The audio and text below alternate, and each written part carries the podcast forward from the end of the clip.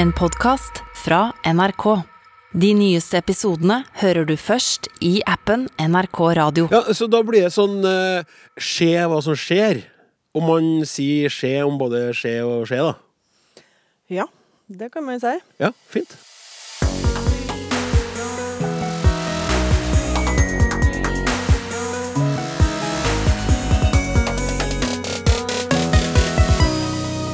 Finnes det språk som ikke kan skrives? Hvor kommer pompen i pomp og prakt fra? Burde vi sagt labbetuss har gebursdag? Og ville du latt en majevtiker ta imot babyen din?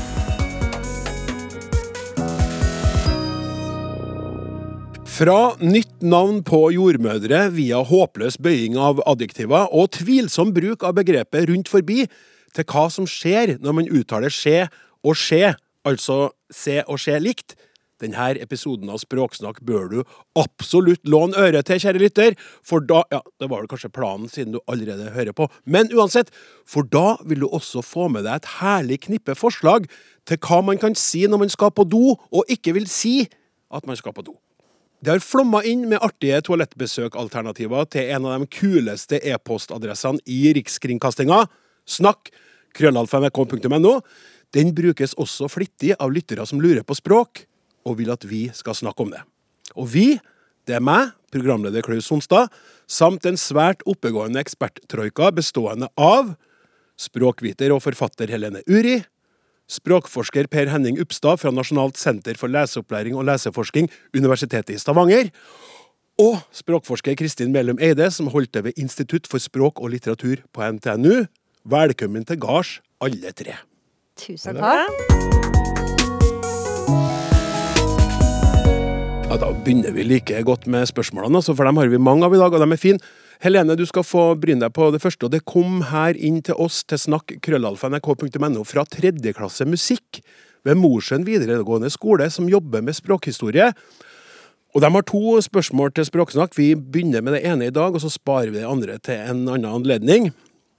Finnes det språk i dag som bare finnes muntlig, og som ikke har et skriftspråk? Og så er det da signert Astrid Aun eh, Aunøyen, Mosjøen videregående skole. På vegne av denne gjengen. Og det er et veldig spennende spørsmål. Det er det. Så vi kan jo begynne med å si hallo til dere i Mosjøen. Veldig stilig at skoleklasser stiller spørsmål. Og så er det jo sånn at jeg Det er jo et ja-nei-spørsmål de stiller. Så jeg kan jo bare svare med enten ja eller nei, og så er vi ferdig. Men det er jo litt kjedelig. Ja, det er litt kjedelig. Jeg vil gjerne at du skal gå litt Ja. inn til svaret. Ja, så via vi, vi sirkler og vandrer litt, og da har jeg lyst til å begynne å snakke om begrepet språk, for det er jo faktisk ikke helt opplagt hva det betyr. Og en definisjon som alle språkvitere elsker å trekke frem, jeg er sikker på at Per Henning og Kristin skjønner allerede nå hva jeg tenker på, eh, og det er en veldig eh, klok og ganske morsom, og dessuten eh, demonstrerer den godt hva noe av problemet er med å definere hva språk, hva et språk eh, er. Eh, Og den definisjonen lyder et språk er en dialekt med hær og marine.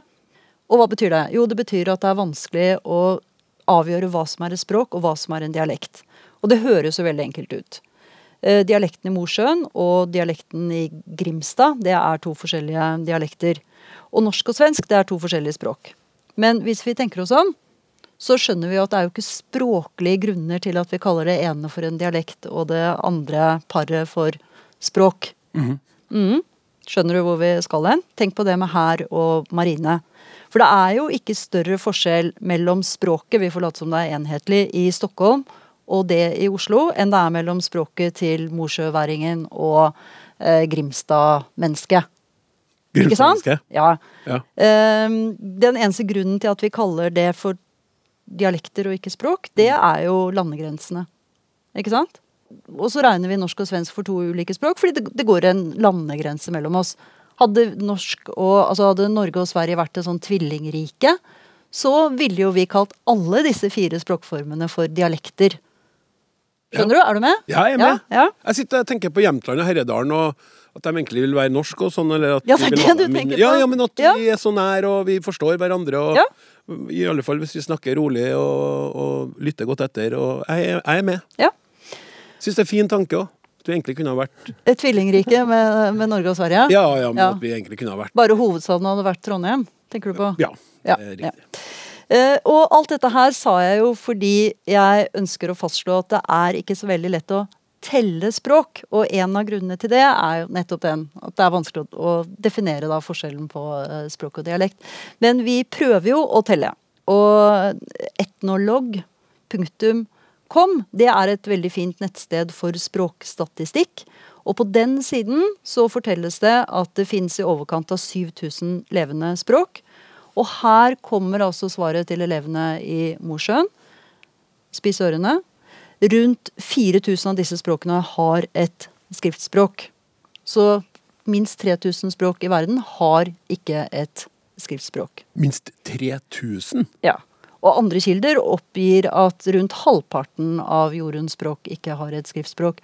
Og så la jeg merke til at du brukte modalverbet kan i din introduksjon. Og da er det jo viktig å si at alle språk kan jo skriftliggjøres. Det er ikke noe i veien for at Altså alle språk kan få et skriftspråk.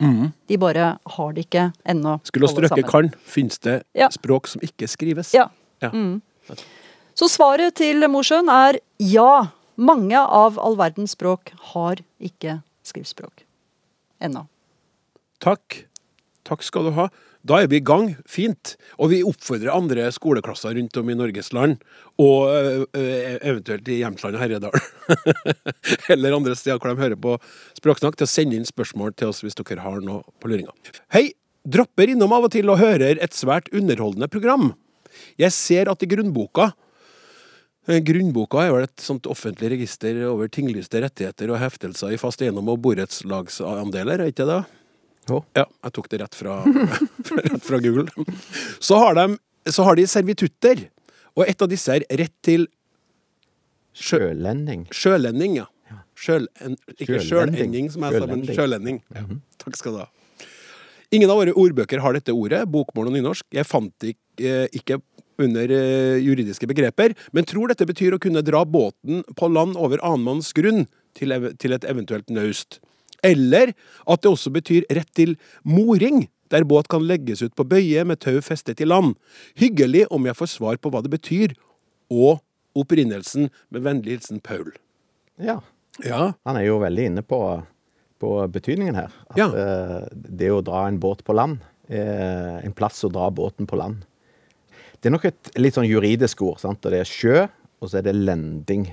Altså to ord. Og grunnen til at en ikke finner det i ordboka, er kanskje nettopp pga. den sammensetningen. Men i ordbøkene så finner du lending i denne betydningen. Du finner òg verbet lenda, eh, som kommer av eh, ja, som å lande. Mm. Altså land. Det å, å sette en båt på land, eller dra en båt på land. Så det er primært den eh, betydningen eh, heller enn eh, jeg, jeg, tror, eh, jeg tror juridisk det å ha et båtfeste og, og moring tror jeg går på andre servitutter, men nå er ikke jeg jurist. Men, eh, men, eh, men ordet kommer av eh, å sette på land, da. Og så kunne jeg gjerne si eh, Jeg måtte jo tenke meg om sjøl akkurat når spørsmålet kom. Eh, sånn at det er jo ikke et ord jeg bruker om sjølending, sjølending, men eh, lending ville jeg tatt. Oh, ja. Så det blir litt sånn forvanskende, dette. Så jeg lurer på om det er jussen som har forvanska dette til at det, at det er sjø. Eh, sant? Du skal, ja, men så, så dukker jo liksom det, standup-poenget opp da, liksom. Ja, hvor ellers, ellers skulle du sette en båt på land? Sant? Fordi vi har satt båter på land i alle tider, eh, ja, så har vi et eh, ord for det. Altså et verb for det. Å lende. Og en plass du gjør det på, er en lending. Da. Og så når jussen gjør dette, da, så er det litt sånn at det, den opprinnelige betydningen kanskje gått litt tapt. Så tenkte jeg vi må forsterke det, at dette handler om sjøen her, da. ja. Så, eh, så litt sånn forvanskende. Men, men den landinga du snakker om, da. Ja. Man lander noe. Sant, ja? Ja, så det er ikke bare å hoppe i land, men det er det å kunne sette på land en båt. da. Dra opp. Gjerne Eller Eller i dra servitutter. båten over annenmanns land, da.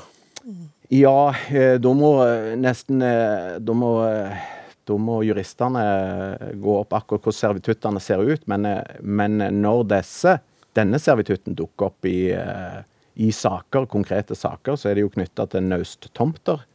Og da er det én rett som er knytta til naustet, og så er det en rett som er knytta til, til lendinger, da, ofte. Eller i de sakene som jeg har kikket på, iallfall. Jeg ble litt nervøs nå på vegne av Språksnakk og altså erstatningskrav og juss og sånn, men du tok jo forbehold her. Ja, jeg, det Hva er det det egentlig betyr?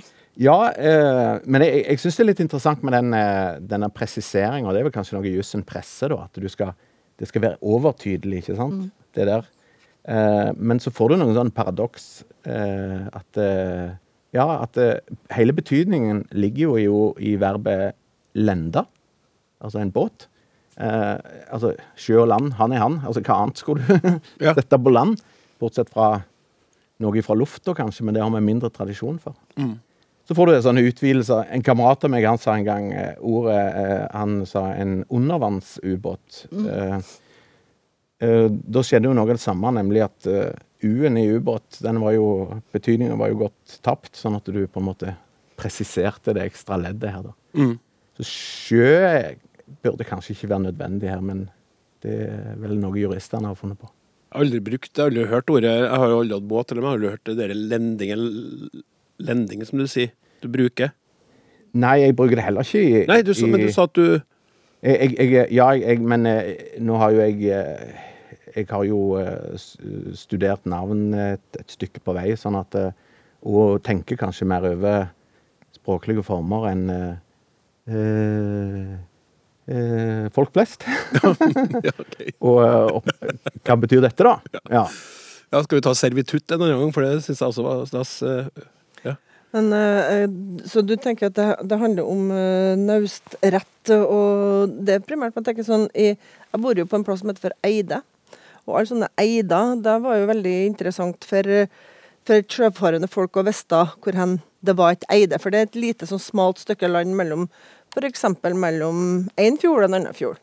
Det er det eide betyr. Sant? Og hvis du kunne slippe å seile utaskjærs, og heller bære båten over et eide, så var jo det viktig, eh, et viktig sted som man visste om.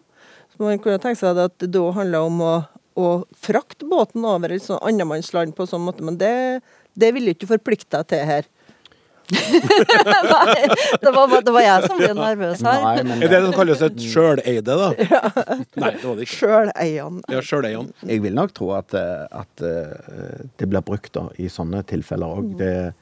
Hvis en går inn på disse ord- ordboksoppslagene, så er jo knytta til, til, til vad, f.eks., og da er hun inne på eide. og Ja. Som jo må være et av de mest populære bestanddelene i norske stedsnavn. Ja, ja, ja. Eid og Eide. Ja, ja, mye rettigheter knytta til hvordan en skal komme seg fram, og ja, retter i strandlinja. Mange gode krangler.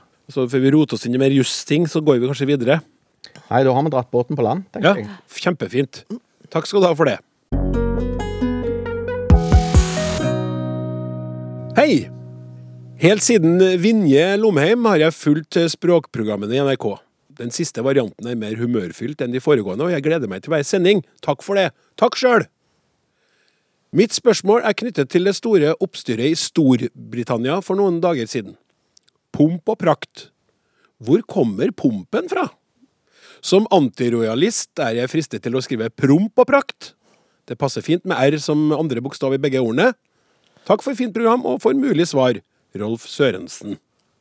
Ja, Ja, Kristin? det er jo det første er hvor, hvor denne pumpen kommer fra. Mm. Og det er jo knytta til Vi har jo ord som pompøs, f.eks. Som eh, betyr at man er litt sånn overdrevent uh, pynta. Kanskje at det, man har lagt på litt mye når det gjelder det her med stas og prakt og sånn. Men det, egentlig så betyr jo pomp og prakt betyr jo egentlig bare prakt og prakt, på en måte. ja. Men eh, så det kommer vel opprinnelig fra, i, ord, I henhold til ordboka så kommer det opprinnelig fra, fra gresk opptog. Men vi har jo vi har jo liksom lagt det her til at det er det som handler om stas, og, og at man har, har Det er litt sånn storveies, sant? Mm. Så, men det betyr egentlig prakt og prakt, og vi er jo fryktelig glad i sånne her eh, sammensetninger som er her. Og det som er interessant, som eh, egentlig innskriveren er inne på her òg, det er jo det at du, bruker, du går ikke rundt og sier pump i en hel masse sammenhenger. Vi har jo en pumpel i Pompel og pilt, det er jo litt ja. pompøs, han òg, men, eh, Men ellers så er det jo ganske lite pomp rundt omkring. Det er ganske mye mer prakt. Vi snakker Ja. om praktbygg, for eksempel, eller praktfull kappel. Så man, men vi har veldig lite pump, altså. Så det er liksom i akkurat denne sammenhengen her. Og, og sånne uttrykk har vi ganske mye av, ikke bare i norsk, men i alle språk. At du har sånne faste uttrykk der du finnes, det finnes et ord som bare finnes der. Ja. Så ikke UF-en, for eksempel. Skal vi prøve å si UF-en, eller bare FN. Og hvor hen har du ellers ordet FN? Så det er liksom på, på samme måten som med pomp og prakt, så er det liksom, det er én plass du finner det. Det er i, i denne sammenhengen her. Sånn pompøs, og så pomp og prakt. Det er pomp and circumstances, det er samme opplegget.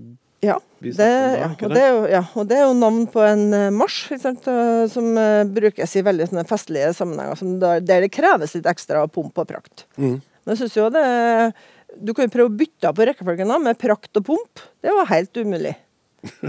Det, man kan ikke snakke om at det var skikkelig mye prakt og pomp under det her. Det er sant. Feira bursdagen til, til Ingrid, Alexandra, eh, Ingrid Alexandra med prakt og pomp. Det, bare, det gjør man ikke. sant? Man, det er alltid den rekkefølgen der. Men det, det du sier nå, er at det vil være egentlig ikke greit, for folk vil jo sannsynligvis reagere på det, men man kan da si Å, det var ei feiring med pomp og pomp.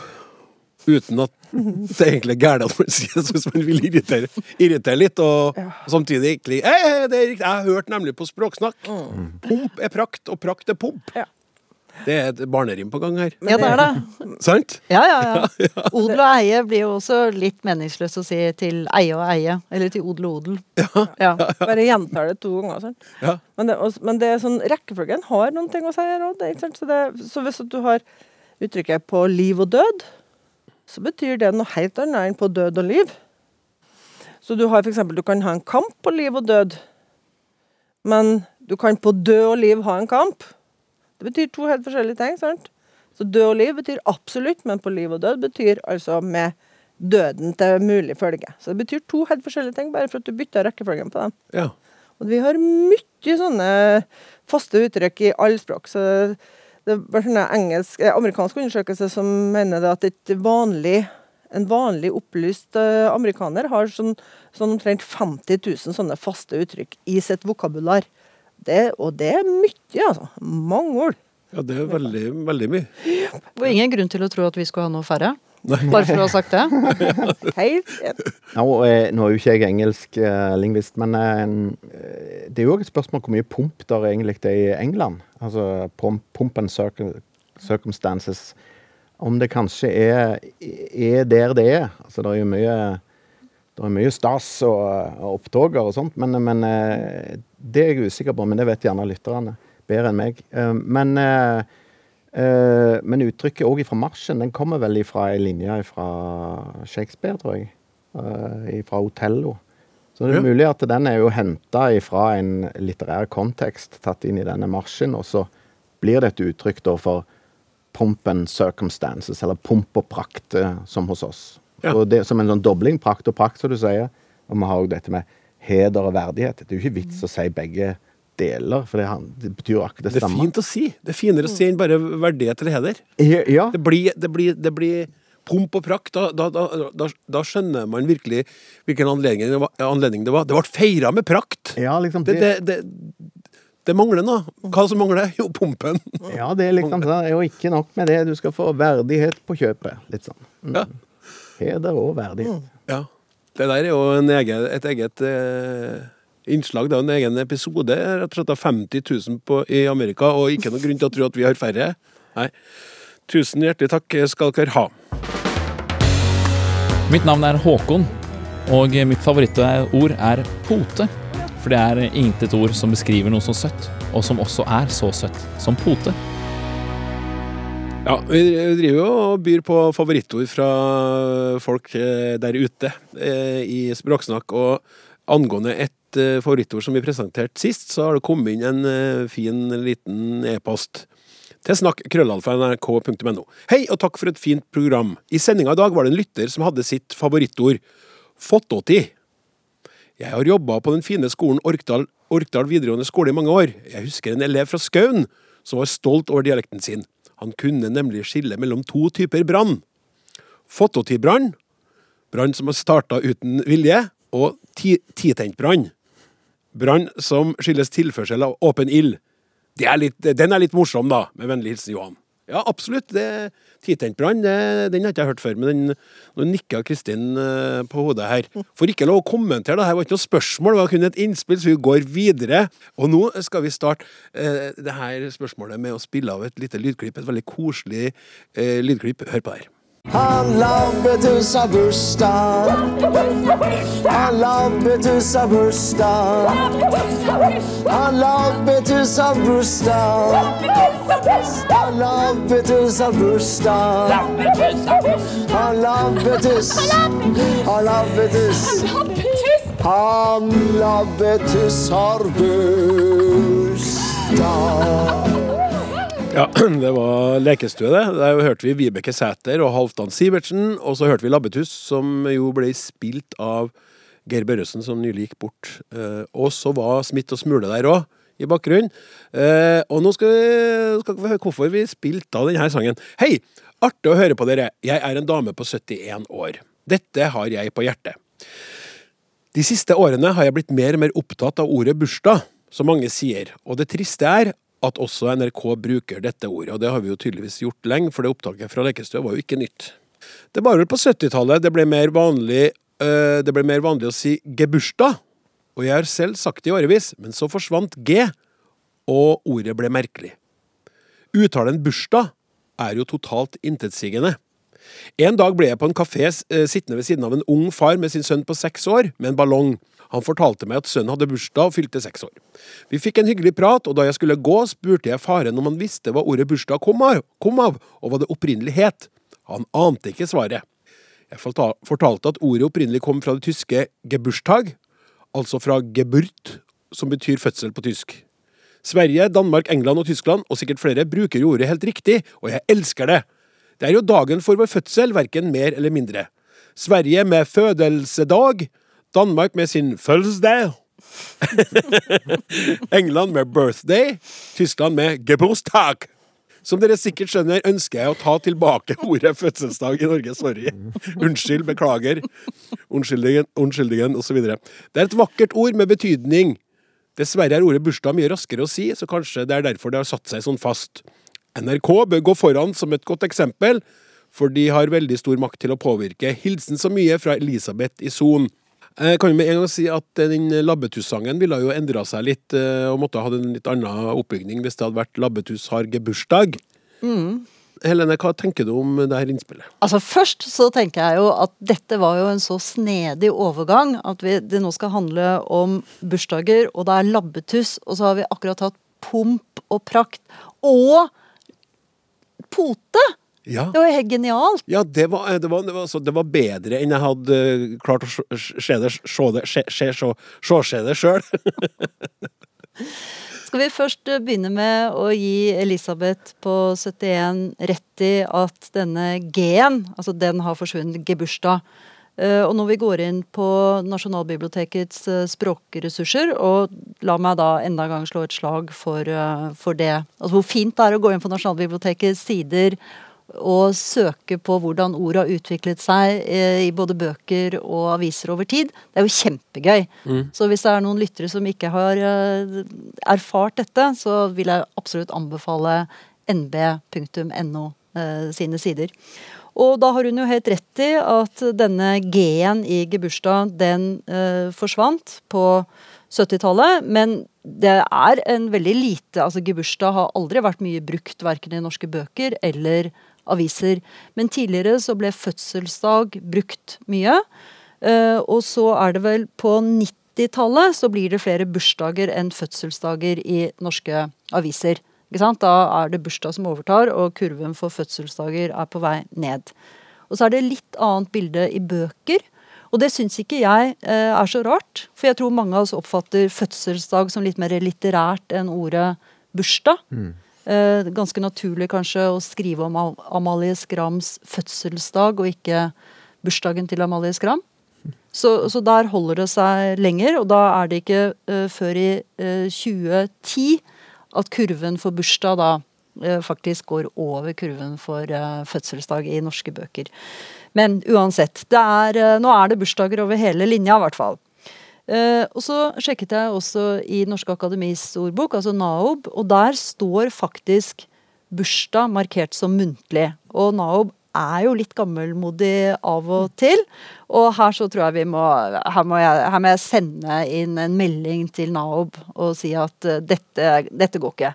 For jeg mener jo at bursdag er et helt nøytralt ord, og ikke et muntlig ord i 2022. Jeg vet ikke hva resten av panelet mener.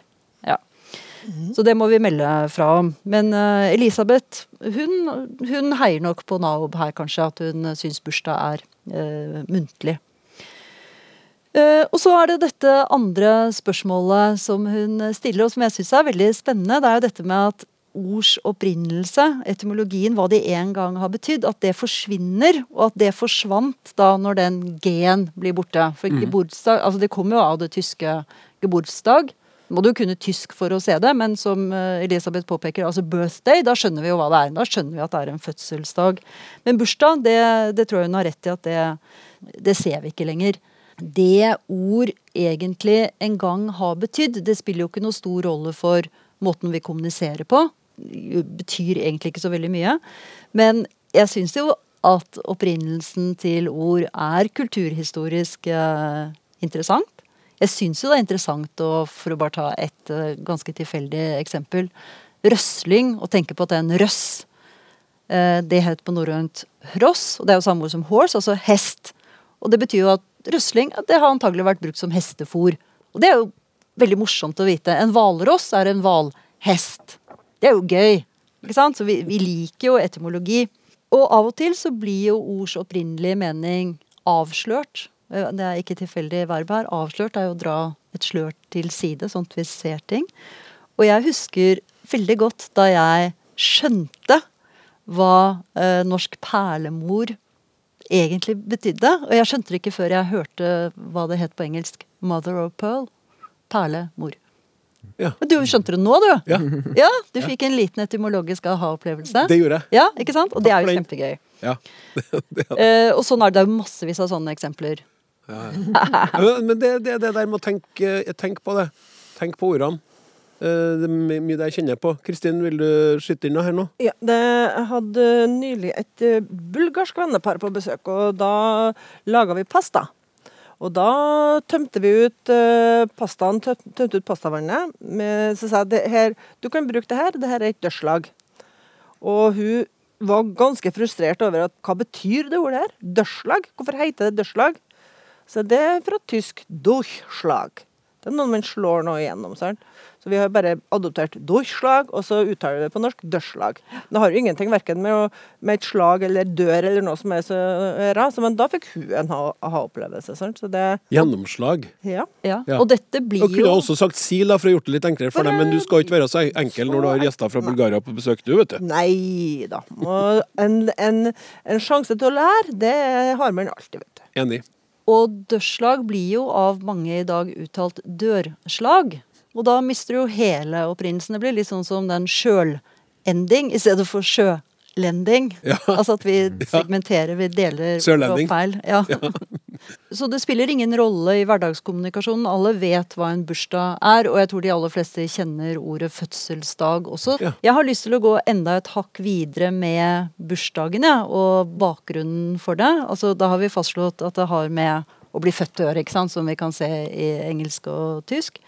Men eh, hvis vi tenker på hva 'jeg er født' heter på tysk og engelsk, sant? I'm born, eller ich bin geboren, så ser vi mye lettere at det har med å bære å gjøre. Altså jeg er båret. Og det er ganske flott. I hvert fall for eh, oss som har båret frem barn. Vi er alle båret frem av, eh, av noen. Og eh, livmor, det Jeg vet ikke om det er mitt favorittord. Mer enn pote, tror jeg kanskje. Eh, det syns jeg også er et veldig flott ord. Og det livmor, ett ord for livmor på tysk, er altså gebærmutter. Bæremor. Det er litt fint. Ja. Alt dette henger jo sammen da med bursdag. Ja. Eh, men vi ser det ikke lenger, da. Nei. Nei. Til Elisabeths eh, store fortvilelse. Ja, og jeg tror jo ikke at vi får med oss NRK-medarbeidere til å hive bursdag på den verbale søppelfyllingen. Jeg tror det er for eh, etablert. Så jeg tror jeg bare vil oppmuntre Elisabeth til å drive litt eh, etymologisk eh, folkeopplysning ja, når det passer seg sånn. Ja, kafeer og andre steder. Ja. Ja. Jeg tror faktisk at den her eh, Spørs jo litt på hvordan hun sa det til den her faren og det her seks år gamle barnet, men jeg tror det var en, en, en interessant opplysning som hun sikkert tok med seg videre. Vet dere det? At eh, poden har jo gebursdag i dag! Det er jo det, det, er det. Ikke bare bursdag, men gebursdag. Eller je-bursdag, som også er en mulig uttale. Det er lov å si. Jeg syns gebursdag er litt artigere for den tyske, men gebursdag er selvfølgelig lov, og den er jo brukt mer vanlig sikkert. Vi går videre. Jeg er en av disse som ivrig følger med det levende og informative programmet, og stadig har uløste språkproblemer. Jeg har også oppfattet at rare og i hermetegn, dumme spørsmål blir tatt opp. Altså, det er lov å spørre om hva du vil, tror jeg vedkommende mener. Her kommer eh, spørsmålet. Kommunalminister eh, Sigbjørn Gjelsvik sier stadig 'rundt forbi'. Og jeg oppfatter det som rundt omkring, eller rundt om, men synes det er et rart uttrykk. Skal vi bare høre eh, først, vi har leta litt etter et klipp av kommunalministeren som sier 'rundt forbi'. Vi har da ikke funnet veldig mange, vi har ikke leta veldig lenge heller, men vi har ett eksempel på det, så vi kan ta utgangspunkt i det. Så vi vet ikke om innsender har rett i at han stadig sier si det, men han har sagt det. Hør på det her. Så vil jeg si at det er store forskjeller rundt forbi Norge òg. Det er veldig mange som har trygge og gode Store forskjeller rundt forbi i Norge òg, ble sagt her. Og spørsmålet fra Bjørn er rett og slett er det vanlig å si 'rundt forbi'? Ja, hvor vanlig det er? Altså, for meg er det vanlig, fordi eh, det er ganske utbredt i, i Rogaland. Eh, og jeg sier det nok nokså ofte sjøl. Eh, så for meg er det et ganske naturlig ord. Men jeg sjekket i, litt sånn i aviser, bare gjorde noen raske søk. Det er ikke så veldig mange forekomster av rundt forbi i skrift. da. Så sånn sett er det jo ikke så normalt og ikke så utbredt. eh, men det fins, da. Eh, Ja. eh, om hvor rart det er? Ja Ja, altså, for det første, dette er ikke et dumt spørsmål som han stiller. Det er jo, eh, det er jo to preposisjoner etter hverandre. Og det har vi jo ganske mange av. Det å bare ha én preposisjon her, det er rundt. Altså, det blir liksom for lite. Du må liksom ha noe som kommer etterpå. Rundt rundt i landet, for eksempel, kunne du sagt. Eller rundt bordet, eller noe sånt. Men her får du da rundt forbi. Og så trekker han sjøl parallellen til rundt omkring. Det, hva ord egentlig betyr. Til og med preposisjoner er det jo sånn at du får jo bilder i hodet når du hører preposisjoner òg. Vi kunne jo hatt en liten sånn eh, sånn eh, mindfulness eh, situasjon her med preposisjoner, ikke sant? Der man kunne si rundt omkring. Og så tenker du ja, men eh, hva er her? Ja, det skjer jo bare det. De går jo bare rundt en gang til. Det er rundt, og så er det omkring. Det er jo egentlig litt absurd. Ja, men hva, hva er det det tilfører, da? Det må jo bety et eller annet. Rundt.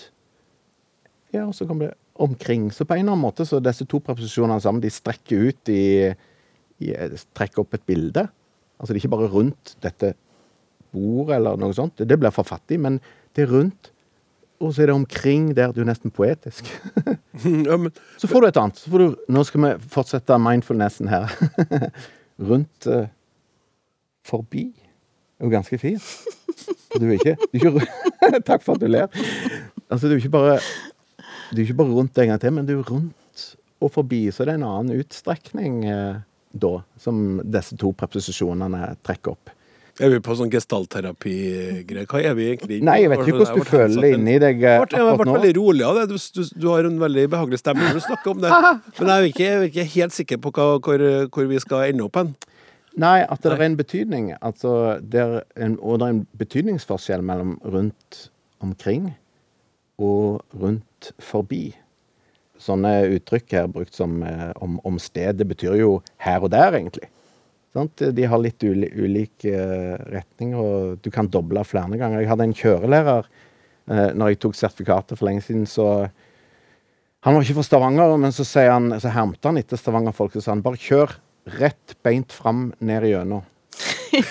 ja, og da har du ikke to etter en annen. Men er dere med på, på tanken om at det, du har rett beint, fram, ned igjennom. Altså at det er strekt ut i tid. Han kunne, sende, han kunne sagt rett fram, sant? men du får en større utstrekning her, da. Ja, det er kanskje et nytt eh, Et eh, litt nytt ord. Om det finnes i veldig liten grad i eh, ordbøker, jeg tror ikke det er inne, så vil jo tiden vise om det kommer inn. Jeg stemmer for. Ja. Andre? Det blir jo litt mer sånn intenst sant, med en gang. Og det, i ganske mange eh, språk her i verden så har du det som heter reduplikasjon. At du gjentar bare. Og, det, og det, det er på en måte det man gjør her. Liksom. Men uh, f.eks. norske ungdommer òg. Studentene mine de sier det at uh, nå vil de færre hjem. Og så sier de ja, skal du hjem hjem, eller skal du hjem? Og heim-heim, det er en annen plass enn heim. Sånn. Heim-heim er hjem til mamma og pappa. Heim, det er den hybelen og leiligheta du bor i i Trondheim. Ja. Så reduplikasjon brukes liksom til å forsterke og intensivere betydninga. Og det er jo egentlig det man gjør her når man snakker med, med beint fram eh, ned gjennom. Det er jo det at du, bare forsterker sånn Nesoddtangen skulle tro det var nødvendig med smør på flesk på smult, men det er sånn man eh, man, man rett og slett forsterker og intensiverer betydninga til et ord. Som heim og heim-heim. Men rundt forbi, da, det, det da, hvordan oppfattes det sånn rundt omkring en annen rundt forbi, da, det du sier, ikke sant? Ja, det var bare i vår eh, lille øving her. Jo, jo, Eh, men men eh, det er en, der er en, Ja. en liten forskjell. Hvis vi tenkte det som at dette ser ut, viser en utstrekning, så, så er det jo en litt annen vei, da. Mm. Enn enn rundt omkring. Ja. Ja. Som en bjørn egentlig sitter og nikker når det klør seg i hodet, det aner ikke jeg noen ting om. Jeg, jeg sitter og gjør begge deler. Men vi skal faktisk by på et aldri så lite spørsmål til fra eh, denne bjørn, eh, i samme slengen. Og det handler om trøndersk, faktisk. For han lurer på hvordan har det seg at presens av å se og å se uttales likt på trøndersk? Hva skjer hvis man ikke ser hva som skjer? Prøv å si det på trøndersk. Hva skjer hvis man ikke ser hva som skjer?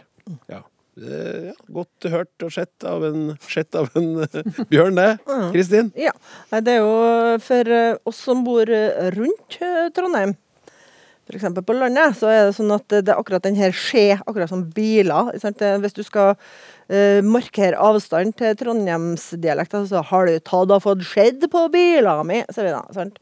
Og likeens hvis vi skal understreke eh, byfolk Trondheims eh, byfolk sin håpløse forhold til eh, forhold på landet, Se, Ragnar, kua står og spiser plen.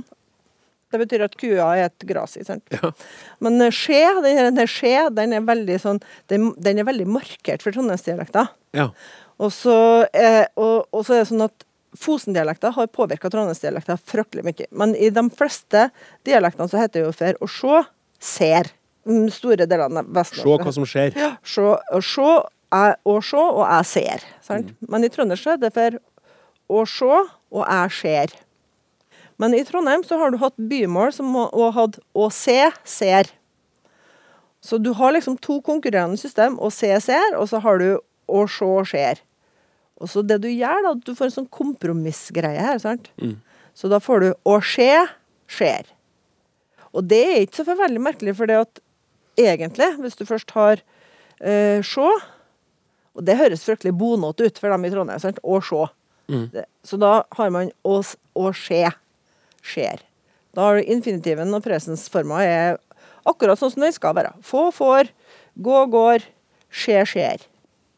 Da, da har du laget et mønster, lagt opp til et mønster. Samtidig som du får lov til å å vise at trondheimsdialekter er annerledes enn dialektene rundt. Akkurat Som du sier man og Hadd istedenfor som vi sier ha. Sant? Ja.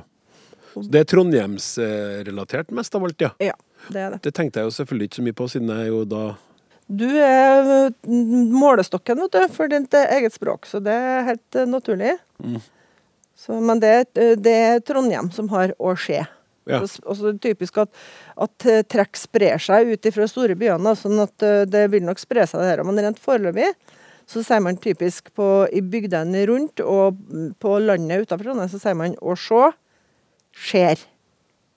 Ja. Ja. Men i Trondheim sier man å skje, skjer. Greit. Takk skal du ha. Det gjør den.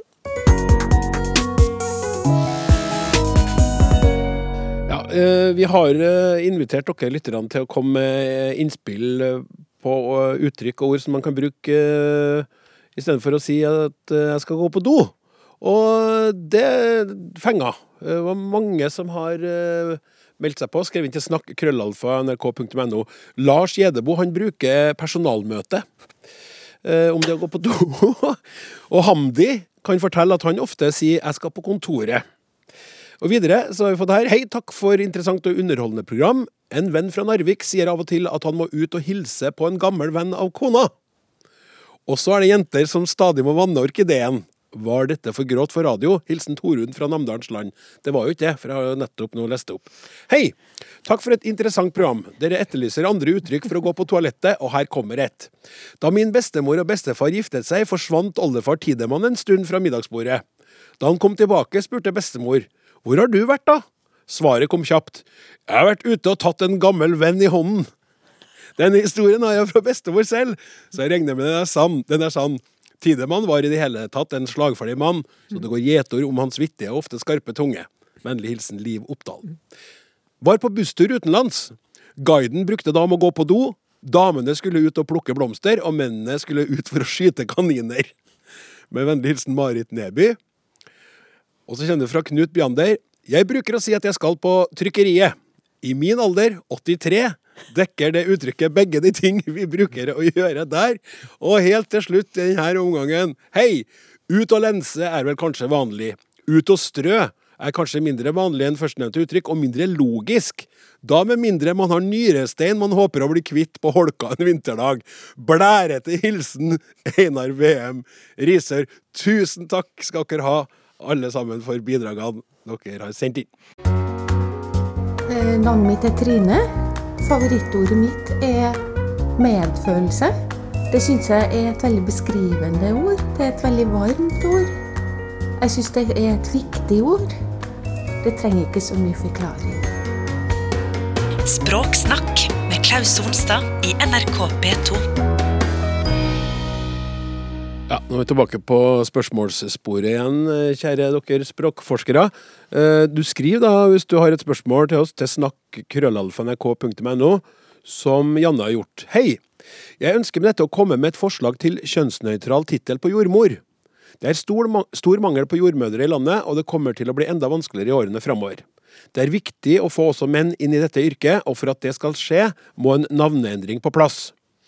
Og så viser jeg til en eh, artikkel eh, fra 2020 av daværende likestillingsminister Abid Raja, som ønsker å endre alle yrkestitler med mann eller mor i seg. Hvis man ikke ønsker å gjøre bruk av ord som eh, fødselssykepleier, obstetrisk sykepleier eller lignende, så foreslår jeg at man innfører ordet majevtikk som betegnelse for jordmoryrket. Ordet har røtter tilbake til Sokrates, og etymologien kommer fra gresk majevtikos. Var det riktig? Uh, tror jeg. Jordmorgjerning. En jordmor kan kalles majevtiker eller majetiker. Det er en kjønnsnøytral term og har en etymologi som faktisk refererer til jordmorgjerningen. Jeg synes også at ordet har i seg den kompleksiteten som yrket innebærer i større grad enn ordet jordmor. Og så vises det en artikkel som uh, forklarer det eh, begrepet uh, litt sånn videre. Eller er ordet kanskje opptatt, spør da Janne. Helene er jo grundig og godt argumentert eh, for sitt syn, i hvert fall. Ja. Jeg har lyst til å begynne med å ære den som æres bør. Det er Trine Skei Grande som tok initiativ til å skifte ut kjønnede statlige og kommunale titler til eh, kjønnsnøytrale. Eh, Og derfor heter det jo ikke nå lenger fylkesmann, men statsforvalter. Og på Svalbard så har vi ikke lenger en sysselmann, men en sysselmester. Eh, Og Janne spør jo ikke om det er noe vits i. Altså Snarere tvert imot. Hun sier at dette ville vært bra, for da ville vi fått flere menn til eh, yrket. Men mange andre mener jo at dette er tull.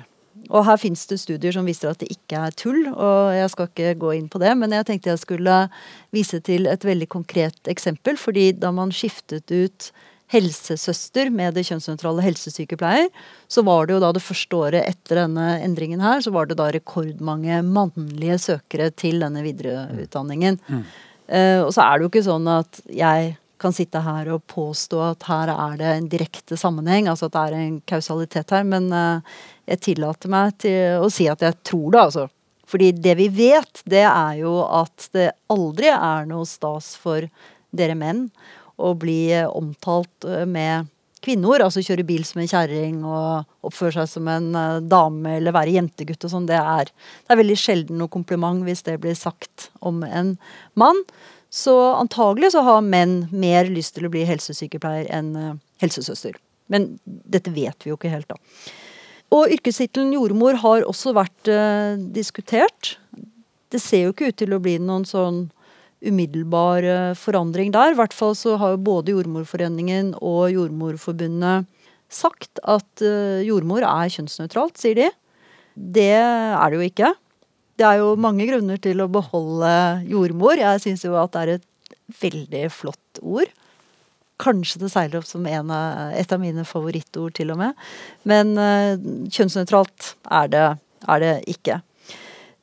Og lederen i Jordmorforbundet hun uttalte også, så jeg i et intervju i Aftenposten, at uh, hvis det er sånn at en mann vil jobbe som jordmor, så sitat, vil han ikke la seg hindre av en yrkestittel. Mon det, sier jeg da. Vi ser jo hva som skjedde i den uh, helsesøstersaken. Ja. Så jeg tror Janne er inne på noe her, da. Eh, og hun foreslår altså my evtiker, som var et ord jeg ikke kjente. Det var godt å høre. Ja, ikke sant? Nå ble jeg litt glad. Ja, og jeg Takk skal du ha. måtte øve litt på uttalen her også. Men jeg fant jo i Norske Akademis ordbok, der uh, står det, og da forklart med en som forløser tanker og ideer hos en annen. Uh, og på den måten kan vi jo si at Janne har jo forløst hele denne tankerekken her hos oss i Språksnakk.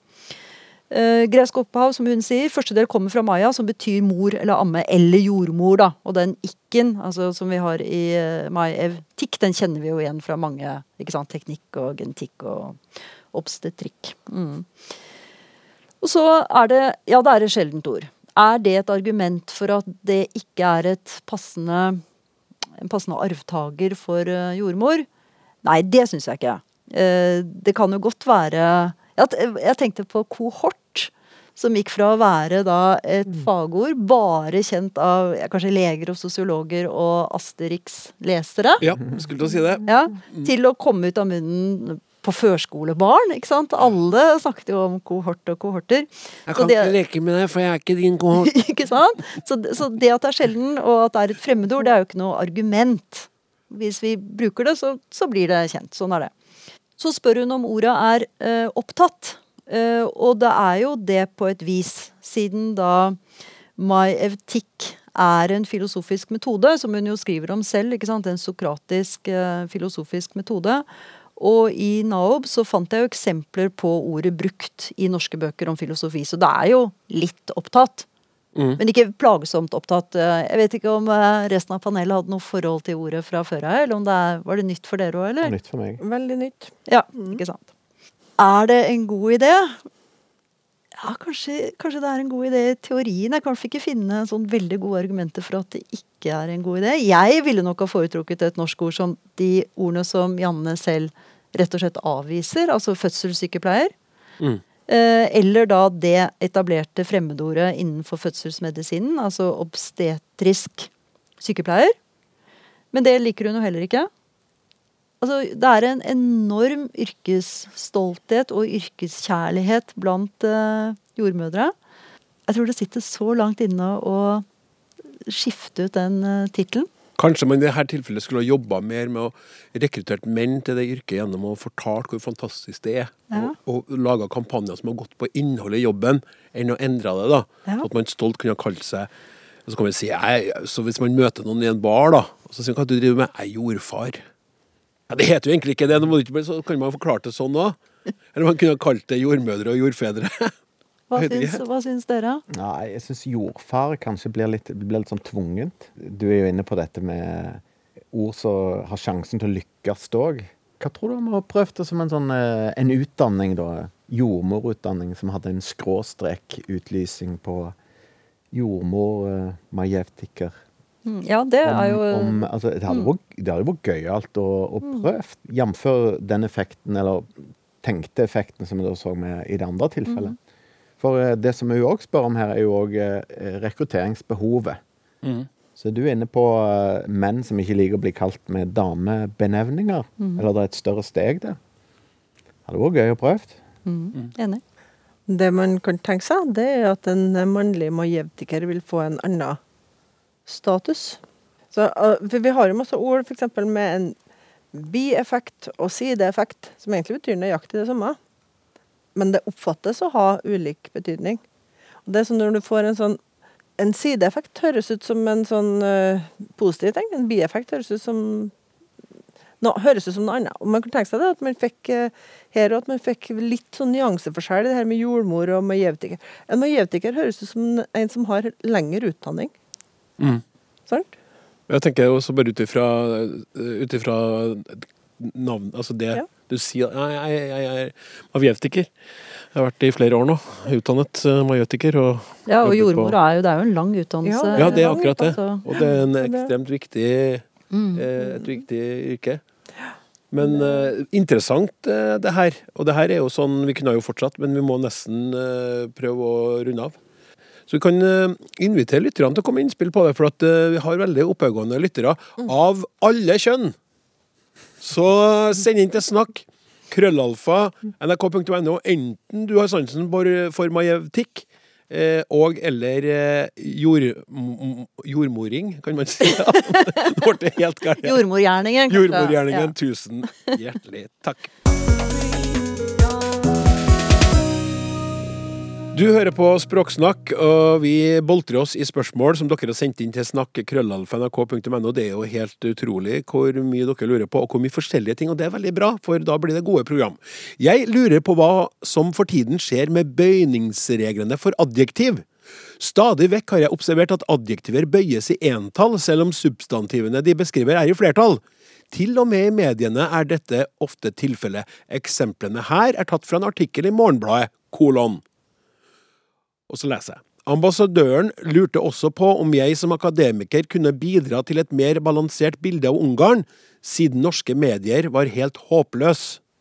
Siden norske medier var helt håpløs. Og et eksempel til, fra samme artikkel. Den ungarske deportasjonen av jødene var så barbarisk at selv tyskerne var imponert. At selv tyskerne var imponert. Det er ikke noe gladsak eh, det er tatt fra eksempler fra, men det er noe viktige poeng. Hva tenker dere om dette? Det kan da umulig være grammatikalsk riktig? Spørsmålstegn. Med vennlig hilsen Gisle fra Oslo. Kristin? Ja, det er jo mange som reagerer bare på den her eh, 17. mai er vi så glad i. Mm. Være, folk har vel hatt glad, glade i, sant? Ja. Det kan vi si at der handler det om, eh, om dikterisk frihet, og at det er i poesi og sånt. Men det er én trend. Og så må man kunne tenke seg at det handler om at man ikke har korrekturlesere i avisene. Det er jo én ting. Men en annen ting er at det er forferdelig mange norske dialekter som ikke har flertallssamsvar i, i adjektivene i den posisjonen der. Altså eh, var imponert og var helt håpløs, når de står predikativt, som vi sier. Så, så for eksempel, eh, du kan ha Bilene er grønne, og bilen er grønn. Og vi har ikke nødvendigvis grønne. Altså, det er jo en ting, det er ganske mange dialekter som ikke har det. Men så er det jo sånn at vi har masse sånn partisipper, så eksempel alle gratisprøvene var tatte. Det kan vi ikke ha. sant? Alle gratisprøvene var tatt, så der skal det jo ikke være bøying. Så har du mye sånn her som er mellomting, f.eks. at alle operatørene er opptatt eller opptatte. Er det partisipp eller er det adjektiv? Så du har mye sånne grensetilfeller. Så det er mange ting som er med på å dra i samme retninga her. Mangel på korrekturlesere. Folk skriver litt sånn som de snakker, og så hvis de ikke har sele i dialekten sin, så kan det drasses med over. Og så pluss at du har mye sånne her eh, partisipper og grensetilfeller der du ikke veit om det skal være sånn svar eller ikke. Sånn. Det er greit, men nå sa du mangel på korrekturlesere. Noe jeg sjøl ble et offer for i Adresseavisa, for at jeg opplevde jo at de forsvant mens jeg var der. Men du sier altså mangel på. Betyr det da at siden norske medier var helt håpløse, det er feil? Det er skrift, det er fra skrift, det er fra en artikkel i Morgenbladet. For jeg har lært meg gjennom Språksnakk at vi snakker om det muntlige språket som en ting, og det skriftlige som en annen. Ja. Og her står det svart på hvitt i Morgenbladet, siden norske medier var helt håpløse. Er, det, er det rett å skrive det? Hadde, du- hadde du syntes at det Hvis jeg hadde skrevet og kommet bort der du, Hva syns du om artikkelen min? Kan du lese gjennom den før jeg sender den? Ja, jeg ville ha retta det. Medier var helt håpløse. Ja, jeg vil vil også rette det. Jeg sitter i Aftenpostens språkutvalg, og da ville jeg ha satt en Hvis noen hadde spurt meg, så ville jeg sagt at her skal det være en E. Og, og, og over til imponert, da. På samme måten. Tyskerne var imponerte. Nei. Der er du uenig? Ja, jeg ville i hvert fall tenkt meg litt mer eh, om, Akkurat. Mm. Akkurat. Hjelpes meg. Jeg trodde jeg skulle få en sånn eh, felles eh, Skulle aldri spurt om nummer to. Det er en av de få gangene jeg har fått Nå er dere helt håpløse. Ja. Men det er fordi at Er det adjektiv, eller er det partisipp? Det er sånn å bli imponert, eller å være imponert. Det kan være Vi er forelsket. Ja. Ja, altså ikke du og jeg. Nei, jeg- jeg- jeg forstår. for nå falt du litt uh, Ja, men eh, Ja. ja, ja, den kom litt sånn uh, Den kom litt ut, den kom litt ut av det blå. Vært bra. Hva har ikke svart? Ja, samme her. Det, ja. Eh, Men, men ja, så, så der er det en liten diskusjon mellom dere. Ja. Mens på den første så, så vi, vi, vi var ett av to, da. Vi klarte én av to. Men det, det, det kommer an på om du kjenner om det er adjektiv, eller om du kjenner at det er en partisipp. Ja. Altså den første, da, Kristin, for den derre eh, Vi er så glad Vi er glade, glade i dette landet. Hvis du bøyer det, så vil det jo for mange bety vi er lykkelige i dette landet, mens vi er glad i Vi elsker dette landet. Ikke sant? Så hvis det kommer en preposisjon etterpå, så, så bøyes det jo sjeldnere. Ja. At det er et slags fast uttrykk. ikke sant? Være glad i er noe annet enn å være glad på eller i et eller annet sted, da. Ja. Ok, nei, men Jeg syns ikke det var så verst at vi fikk ett krystallklart svar eh, fra språkforskere. Det, er- det er fint. det. Ikke at dere ikke gir det, men ofte så er det litt sånn språket i endring, og, og det er spennende med nye ting. Også, men ikke sant? Ja, du har jo to av tre her nå. Kan Ja, vi høre ja. med norske medier var helt håpløse. Nei, jeg ville òg hatt det, ja. Ja. Det er tre av tre på den første. Tre av tre. ja. Eh, Gisle, det er, det, vi, det, det er bra, altså det skal du vite, det skjer ikke ofte. Mm. Så vi, vi, får, vi setter strek der, så lar vi den der imponert eh, Den kan henge litt i, i den løse luft. For nå er Språksnakk over for i dag. Vi takker da Per Henning Upstad og Helene Uri og Kristin Melum Eide, som har bidratt med svar på spørsmålene som dere har sendt inn til snakk. Krøllalfa.nrk.no. Jeg kan ikke si det ofte nok, for det er så viktig at dere sender inn spørsmål. Tekniker Morten Lyen, journalist Randi Lillealteren, produsent Hilde Håbjørg og jeg, Klaus Sonstad, vi takker for at du hørte på. Vi snakkes!